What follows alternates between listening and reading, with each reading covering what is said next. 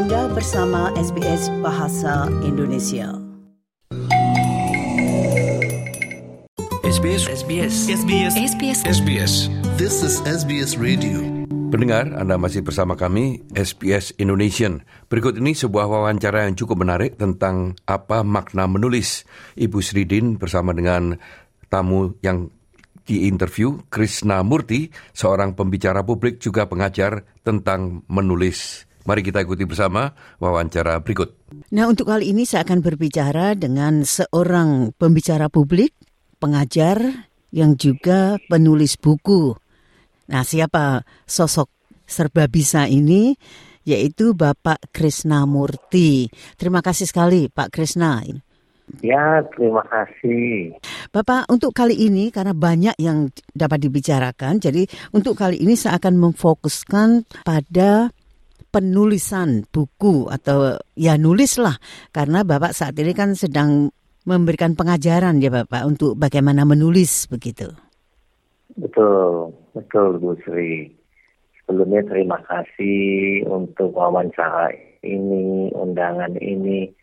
Sungguh merupakan satu kehormatan saya yang masih betah di Indonesia, Bu.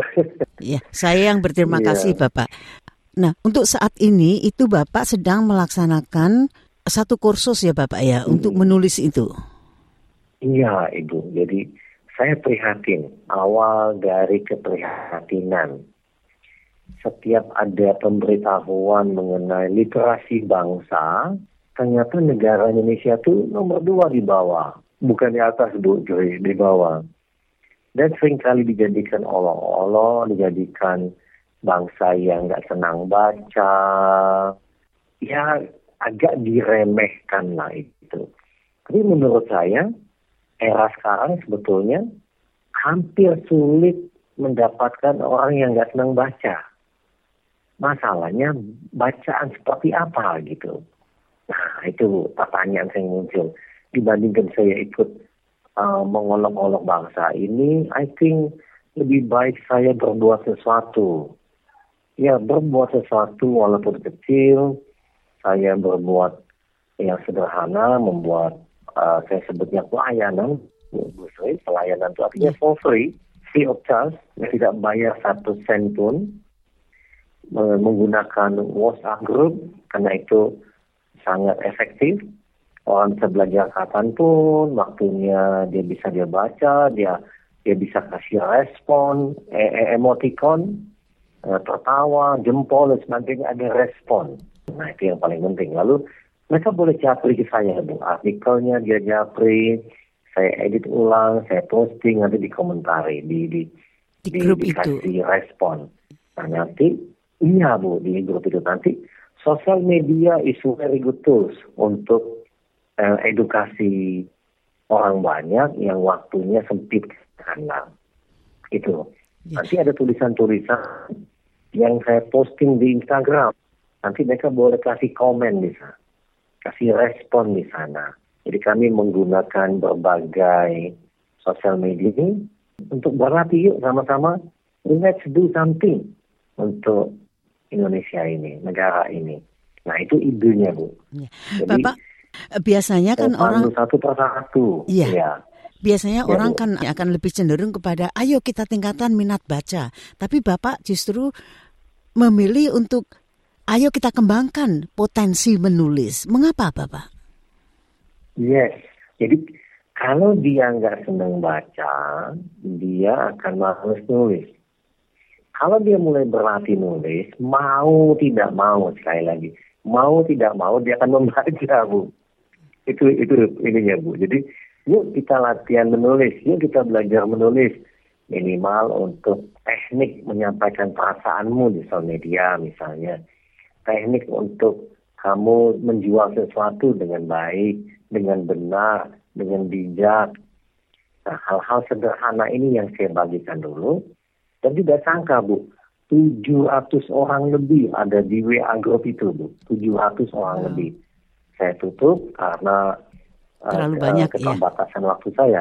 Jadi, misalnya satu cerita yang kami posting hari ini dari seorang member yang dia kirim ke saya dulu, lalu saya edit.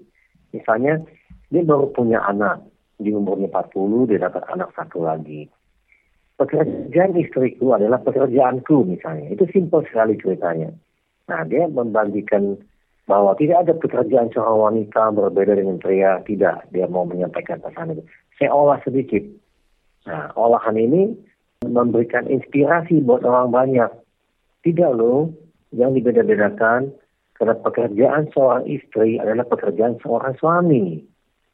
Nah, misalnya anak.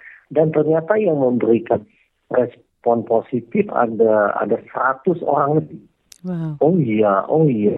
Nah, idenya adalah inspire to grow.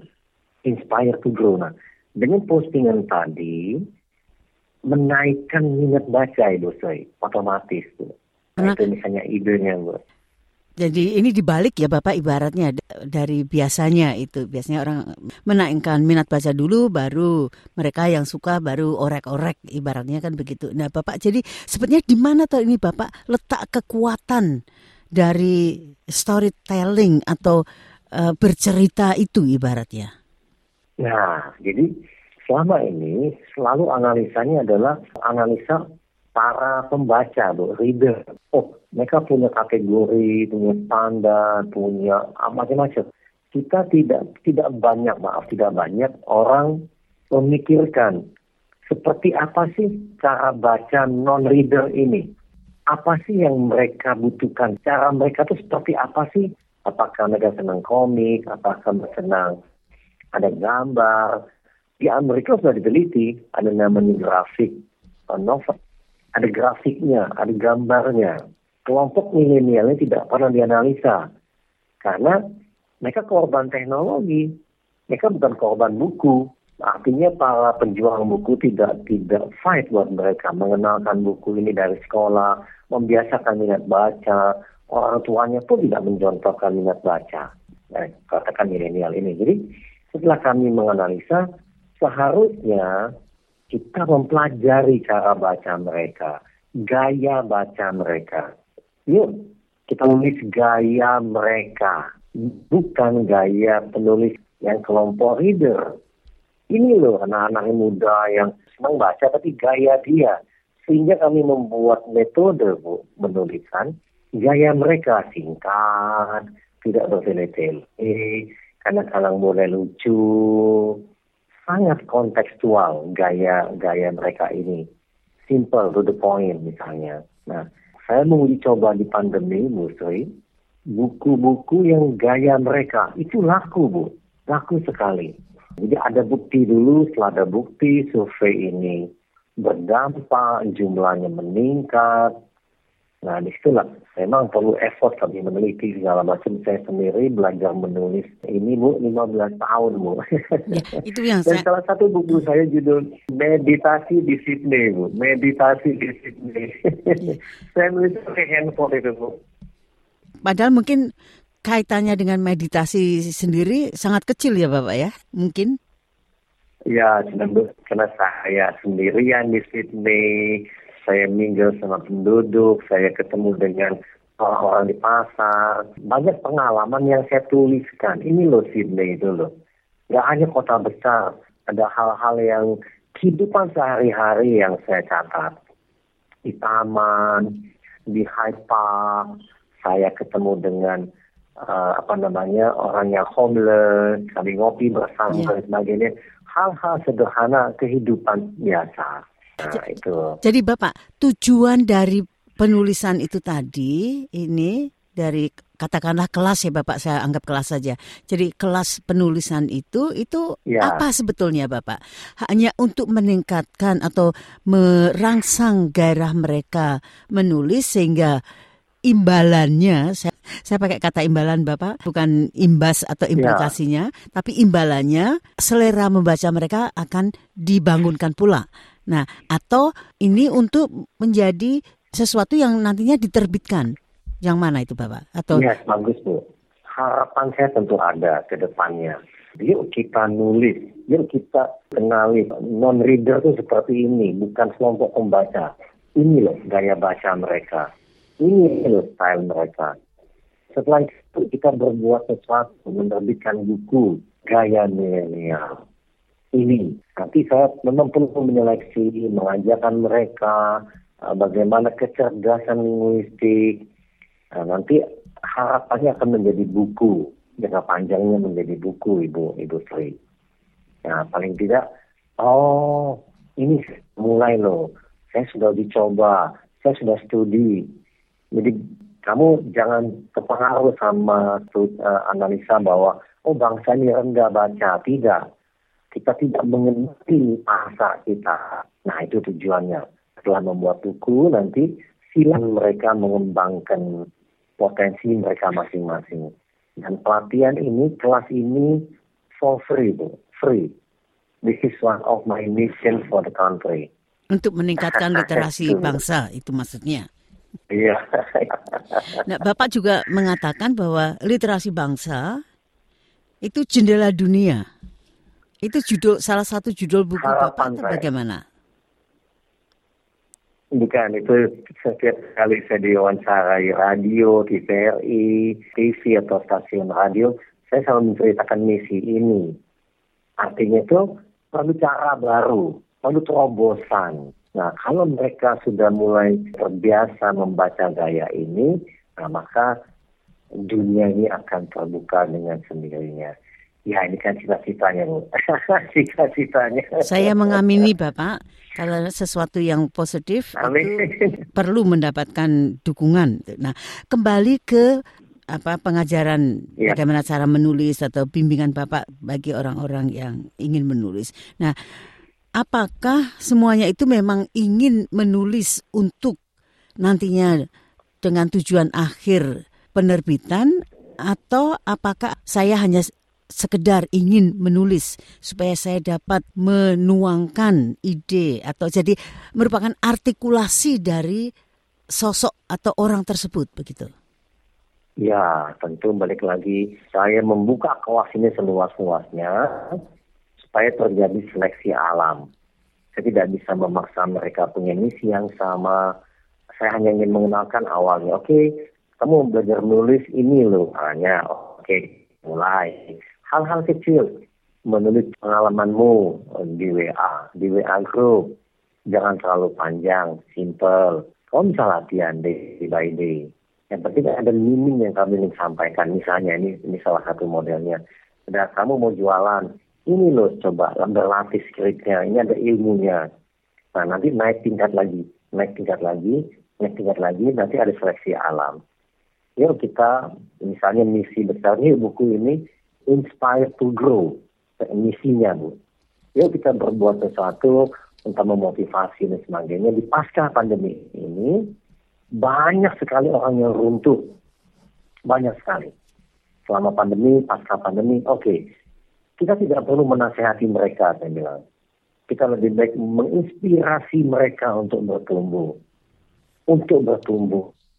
Bapak, jadi tentunya Bapak juga bertanya kepada mereka itu dari sekian 700 itu orang itu pasti pasti Bapak juga menanyakan sebetulnya apa yang dimauin oleh mereka. Kan begitu kan Bapak? Pada waktu setiap mereka itu masuk atau bergabung dalam grup Bapak misalnya. Ya, jadi saya bilang oke, okay, ini tujuan besarnya yang mau bergabung silahkan. Nah, saya akan berikan yang ilmu yang terbaik yang saya miliki. Saya pernah sekolah di Sydney, saya pernah belajar di Melbourne, saya pernah uh, ke Amerika, belajar macam-macam saya studi ke Inggris, ke mana-mana. Oke, okay, yang saya miliki akan saya bagikan yang terbaik yang saya miliki. Saya hanya bisa memberikan ilmu ini. Ini loh misinya. Ya kita kita latihan untuk yang simple aja. Buku motivasi dan simple. Apa temanya? Apa ininya? Inspire to grow misalnya. Apa ceritanya? Kejadian kamu yang kamu alami nyata. Begitu Bu. Jadi cita-citanya memang besar tapi oke okay lah pelan-pelan iya. lahan, lahan, lahan, lahan. Saya sabar menunggunya. Bukan maksud saya sebetulnya di balik semuanya itu, kalau kita tanya satu persatu mereka itu ya. misalnya itu, apa sebetulnya motivasi mereka, Bapak? Kebanyakannya, kalau bisa di, disimpulkan ya. itu. Uh, waktu saya mengenalkan ide tentang inspire to grow, okay, mereka tertarik dengan ide ini melalui menulis maksud saya, inspire to grow. Jadi kamu bisa menulis nanti menginspirasi teman-teman di WA grup kamu, teman-teman di Facebook kamu, teman-teman di Instagram, idenya seperti itu. Bukan mau forward, Bu. Jadi kami paling menolak ide mau forward. You have to write by your own. Your own story. Kisah nyatamu sendiri.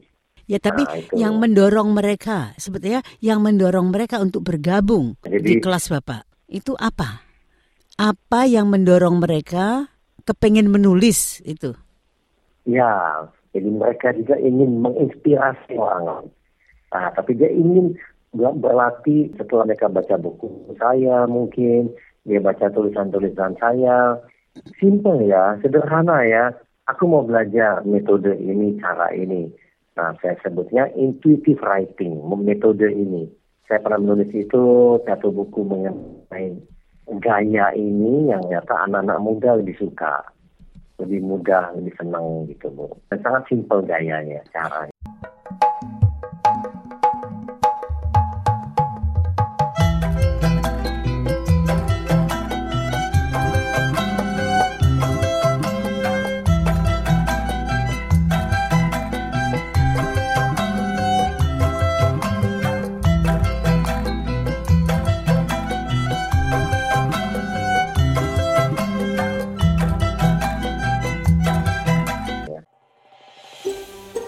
Anda ingin mendengar cerita-cerita seperti ini? Dengarkan di Apple Podcast, Google Podcast, Spotify, atau di mana pun Anda mendapatkan podcast Anda.